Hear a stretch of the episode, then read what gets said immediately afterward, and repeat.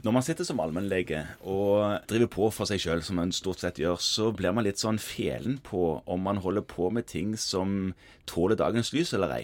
Og da har man fått en sånn en redsel for å bli kikka i kortene, fordi man tenker at det man holder på med, er bra, men ikke se på meg. Så er det blitt sånn viktig med kvalitetsarbeid. Og da blir man kikka i kortene. Og Nicolas, kvalitetsarbeid det er jo veldig i vinden, ikke sant? Så dere i SKIL holder jo på med dette. Det stemmer. Samtidig så er vi veldig opptatt av at legenes egne data er private data. Ja. Og ingen er nødt til å dele sine data. De kan fint ta med sin rapport og se på den sjøl. Det vi oppdaget, er at det er veldig lite motstand mot deling av data. Ja. Uh, altså når man først sitter på gruppemøte Jeg har jo deltatt og ledet nå, så er folk veldig opptatt av det. Så er spørsmålet hva, hva sier de dataene? Altså vi, vi driver med kvalitetsarbeid, kvalitetskontroll i egen praksis. Det vil si at jeg får mine indikatorer.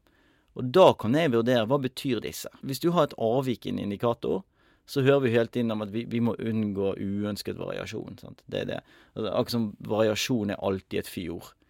Men meg bekjent så er jo pasientene er jo faktisk litt ulike. Ja? De varierer jo litt. Sånn. Så vi har jo laget uh, tre gylne regler. Hvis du ligger utenfor området, la oss si du, la oss si du f.eks. gjør mindre legemiddelgjennomgang enn snittet.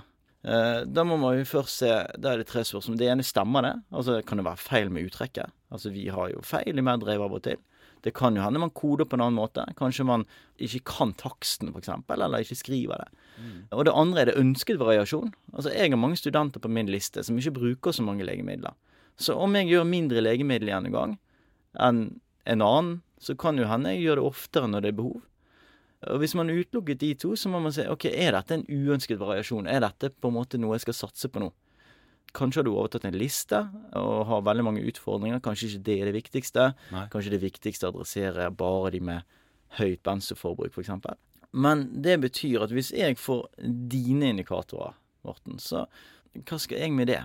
Ja. Altså, jeg, jeg kjenner jo ikke din praksis. Nei. Så kunne jeg jo tenkt enkelt og sagt at ja, ja, det er om å gjøre å score høyt, det er om å gjøre å ha det og det på den indikatoren.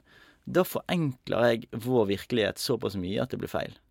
Så vi er opptatt av at den enkelte skal få sine data. Og så er det jo nyttig for meg å se hvordan ligger jeg i forhold til landsgjennomsnittet. Det er greit for kommuner å vite sant, på populasjonsnivå.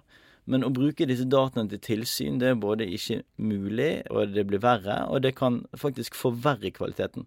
Så en kvalitetsindikator Ja. betyr ikke nødvendigvis at du er god eller dårlig lege. Nei, altså det ligger i ordet at en indikator er en indikasjon. Og det er ikke en fasit på den egentlige kvaliteten. Og det vi ser ofte, er at på første gruppemøte så får man sine data. Og Og gruppemøte, da tenker du på sånn ja, SKIL-gruppemøte? sånn SKIL-gruppemøte. Ja. Mm. Og da får man det på en måte rett i fleisen, som vi sier det i Bergen, da. Kanskje i Stavanger òg. Man kan si det. Og, og da må man jo forholde seg til disse tallene på en eller annen måte. Og det vekker veldig mye interesse. Sånn at indikatorene har en, en veldig god effekt i å engasjere folk. Så kan det hende man ønsker å gjøre en forbedring knyttet til helt andre ting i indikatorene. Sånn. Og det vi ser er at eh, det er veldig mye godt arbeid, veldig mye kvalitetsarbeid, som til slutt blir umulig å måle. Ja. Ja. For jeg tenker at kvalitet er jo et veldig vanskelig håndterbart begrep. Alle vet hva det er, men ingen klarer å definere det, tenker jeg ofte. Det er lett å si noen ting om at vi må ha god kvalitet, og det er litt sånn, du kjenner det igjen når du ser det, men det er vanskelig å definere hva det skal inneholde. Og Sånn føles det ofte i praksis når du sitter der også.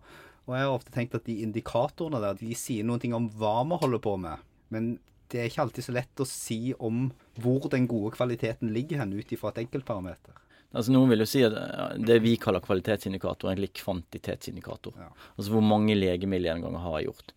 Eh, hvor ofte gjør jeg ditt, hvor ofte gjør jeg datt. Mens kvaliteten er noe helt annet. For eksempel, altså vi, vi kan jo se på arenaer der vi styresetter indikatorer. Da. På sykehus eksempel, så er det en indikator knyttet til hvor mange av epikrisene etter sykehusinnleggelser er sendt ut innen syv dager. Og da er det ok, etter innleggelser, dvs. Si at man kan prioritere alle polikliniske notat. Fordi at det måles ikke. Og det merket jo vi av og til, at noen avdelinger de, de hadde gjerne notater som var viktige å få ut, men det ventet kanskje en måned. Og så fikk du da en epikrise etter en influensa. Sånn, sånn, trengte han ikke, men du fikk han etter en uke. En god indikator ville jo være at fastlegen får beskjed når han trenger det ut ifra medisinsk indikasjon, når pasienten har vært utskrevet. Det er jo det vi ønsker å måle. Og så har noen gjort det enkelt og har sagt at vi bare måler epikrisetiden, og vi gjør det enkelt, hvor mange har sendt ut innen en uke. Og igjen så er det en forenkling av virkeligheten. Og det kan gi dårligere kvalitet. fordi hvis du sitter der og har da to epikriser, en som du skriver ut i dag, og en som du skriver ut for en uke siden, så kan jo hende den du skriver ut i dag, for sånn, du har satt den på Marivan, og du må følge den opp, du, du bør få ut den epikrisen i dag, så vil altså sykehuset skåre dårligere mm. på at du prioriterer den pasienten som du ønsker å prioritere, framfor å få ut den en uke gamle epikrisen som egentlig ikke haster. Så styring etter indikatorer det er ikke det samme som å styre etter verdier. Nei, Nei det er interessant. Men kan det da være sånn at det å fokusere på disse kvalitetsindikatorene kan være med å trigge lysten til å drive kvalitetsarbeid generelt? Ja, hos den enkelte. Ja. Det ser vi i praksis. Det ser dere i praksis. Ja jeg tenker ofte at i forhold til det arbeidet jeg sitter og gjør i praksisen min, så er det ganske ofte at jeg ikke helt vet hva jeg egentlig holder på med. Altså, korriger meg litt der. Jeg vet jo som oftest, håper jeg, hva jeg holder på med sånn der og da. Mm. Men, men, i sum så får man ofte vite at så og så mange pasienter har ditt, og så og så mange pasienter er for dårlige på det, og man leser rapporter og forskning og alt mulig. Og mye av dette inneholder jo noe veldig, veldig komplisert, noe som eh, Morten og jeg snakker mye om, som heter statistikk som jo er komplett umulig å forholde seg til i en praktisk hverdag. Mm. Og alt dette er kanskje vanskelig å ta inn over seg, men at man ved å få et fokus på dette, i hvert fall får et inntrykk av hvor det er mulig å begynne å se på sin egen jobb, tenker jeg at man kan trekke ut av det. Ja, vi, vi har jo tradisjon for å Altså, hva er det vi gjør i allmennpraksis fra morgen til kveld? Vi, vi tar unna. Altså, vi tar pasienter inn og ut. og så Eh, ikke så ofte vi på en måte lener oss tilbake og så ser, eh, bortsett fra kanskje regningskortene eller takstene, sant? hva har jeg gjort? Sant? Og dette blir en ny måte å se på praksis på. En del får jo overraskelser. Oi, er det bare 50% av mine pneumonier som får penicillin, og resten får brevsprektede? sant? Ja. Og da gir jo verktøyet bedre mulighet til å gå inn og så se hvilke aldersgrupper gjelder det. Er det middelaldrende? Så kan du faktisk, når du sitter i praksis, så kan du gå og finne enkeltpasienter. Er det f.eks. på slutten av dagen jeg har dårlig tid? Sant? Ja. Er jeg typisk en sånn som skriver ut til de som har hostet i fire uker, så får de Remax eller Doxylin. Sant? Og da kan man endre på systemnivå. og det i og med at du får kurspoeng for å drive med dette, Ja, disse skill-kursene, ja. ja. Så koster det ikke så mye Altså, det, det koster ingen ekstra tid. Nei. Og man kan spare i neste omgang ved at uh, man unngår f.eks. unødvendige bivirkninger av brevsprekte antibiotika. Og kvalitetsarbeid skal jo lønne seg òg når det gjelder tidsbruk for mm. praksis. Mm. Mm.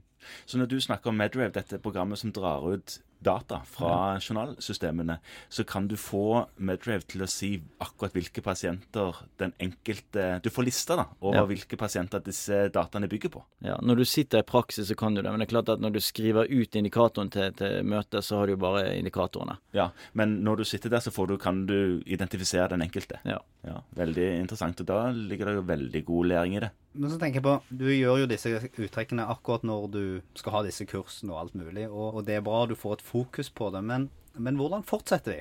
For dette kurset tar jo i hvert fall den enkelte tar jo slutt etter åtte måneder. Ja. Det var vel det du, sa tidligere. Og da tenker jeg at en av de tingene er jo Etter å ha et kurs så ønsker man en endring i atferd. Medisinskfaglig eller annen atferd det ene er på det området du har hatt kurs i, altså på legemiddelgjennomgang. Så gjør man da, fortsetter man kanskje å gjøre flere legemiddelgjennomganger enn det man gjorde fortrinnsvis. Det hadde jo vært interessant å måle ett år etter kurset hvordan det så ut da. Men hva skal vi gjøre for å få det til å smitte over på andre områder av vår praksis? At vi også der fortsetter med det kvalitetsarbeidet. For det, i hvert fall fra før jeg har gått inn i det, ser ut som en tidstyv i et allerede litt sånn pressa system. Ja, akkurat Der har jo veileder en nøkkelrolle. For målet skal jo være at om du melder det på legemiddelgjennomgang, så skal lære en del om riktig legemiddelforskrivning, men òg en del om kvalitetsarbeid generelt. Det er tidligere kvalitetsprosjekt i regi av Legeforeningen som har vist at selv om du har gjort kvalitetsarbeid knyttet til antibiotika, så er det teknikker som er brukt i andre områder. Og vi har en rapport knyttet til hvert tema. I tillegg har vi på en måte en rapport som vi gjerne kaller KIA, kvalitetsindikator og allmennpraksis, som inneholder nøkkelindikatorene fra alle. Og flere kontorer har ytret ønske om at de vil gjerne på en måte ha et opplegg de kan ha én gang i året for å se på alt. Ja. Eh, og da kan det hende ja, nå har vi fokusert på antibiotika, det er jo blitt veldig bra, men sjekk legemiddelgjennomgang, en gang, der er vi jo kjempedårlige. sant? Så der må vi se på det. Og der vil man òg kunne gå gjennom ting som har vi gode rutiner for våre ansatte, sant? har vi bra sosialt miljø på jobb, fungerer dataene, har vi nok personalmøter? Og, så vi jobber litt med det å lage en årlig, men, men der er vi litt uh, utfordrende. Altså hvordan skal vi få innpass i en travel allmennlegehverdag? Det hadde vært veldig greit om vi hadde fått en takst eller noe sånt knyttet til det, men det, takstforhandlinger er kompliserte saker. Ja. men, men du, det er det morsomste med å være gruppeleder. Eh, fordi at i SKIL, det er litt på grunn av Madrave, at vi må få med hele kontoret. Fordi at de priser seg ut fra antall hjemler. Så hvis vi har én lege fra et sånt tidlegekontor, så ville det koste ganske mange tusen å få med den ene legen. Så vi har sagt at meld på kontoret ditt. Altså Kvalitetsarbeid handler om å øke kvaliteten på kontoret. Og vi er jo senter for kvalitet i legekontor. Mm. Sånn. Og da får du med de der som ikke har lyst å være med, sånn, for de kan alt. Og, men det, det er Bergens uttrykk. Det gøyeste, eller det mest artige, da. Det er når de som i utgangspunktet var veldig negative og er blitt dratt inn i dette, blir positive. For det har vi opplevd flere ganger. At ja, dette var jo ikke dette var jo ikke et kurs der jeg ble fortalt det jeg skal gjøre. For det er det ikke. Vi sier ikke hva folk skal gjøre. Vi gir dem oversikt over praksis, så må de vurdere er det noe jeg skal forbedre. Hva skal jeg forbedre, og hvordan skal jeg gjøre det. Og dette samler vi òg inn anonymt, da, så vi har jo oversikt over hva, hva kollegene gjør som de opplever som nyttig. Så kan vi tipse andre om ja, det hjalp for han, kanskje det hjelper for deg. Ja. Og jeg tror det å ikke bli styrt så mye, at det er en av nøkkelfaktorene til at dette er, er så morsomt. Da. Ja, for Den enkelte lege må finne ut sjøl hva han eller hun syns er nyttig Ja. ved kurset. Og det er kanskje noe annet enn det kurset handler om, til og med. Ja da. Altså Antibiotika, da har vi alt fra noen som ønsker å vente noen dager med antibiotika ved urinveisinfeksjon, Ja, til de som ønsker å skrive ut mindre bredspektret antibiotika til barn med, med UVI. Sånn, Typ sånn Imarcelin, for det smaker bedre. Ja, sånn, sånn at man kan designe sitt eget prosjekt innenfor temaet. Ja. Så man er ikke fastsatt. det er veldig interessant. Så her er det rett og slett en disse kursene, SKIL-kursene som uh, dere lager, Nikolas, de er mer en slags springbrett for en mer generell kvalitetsjobbing på et legesenter. Det er tanken. Nå er det jo ikke så veldig mange kurs ennå, men det kommer vel mer og mer etter hvert. Og kanskje, sånn som Kristian antyder, et oppfølgingskurs et år etter for å se hvordan det går. Det hadde jo vært veldig interessant. Ja, det er et sånt årlig kvalitetsforum der man på en måte kan se gjennom kvaliteten på en rekke områder på kontoret. Ikke sant? Mm. Ja. Da er det iallfall en god tanke. ja, tanken vet vi er god, og nå vet vi litt mer hvorfor han er god òg. Og så får vi jo på en måte prøve å bidra til at det ikke bare blir med tanken, da. Det var det, da.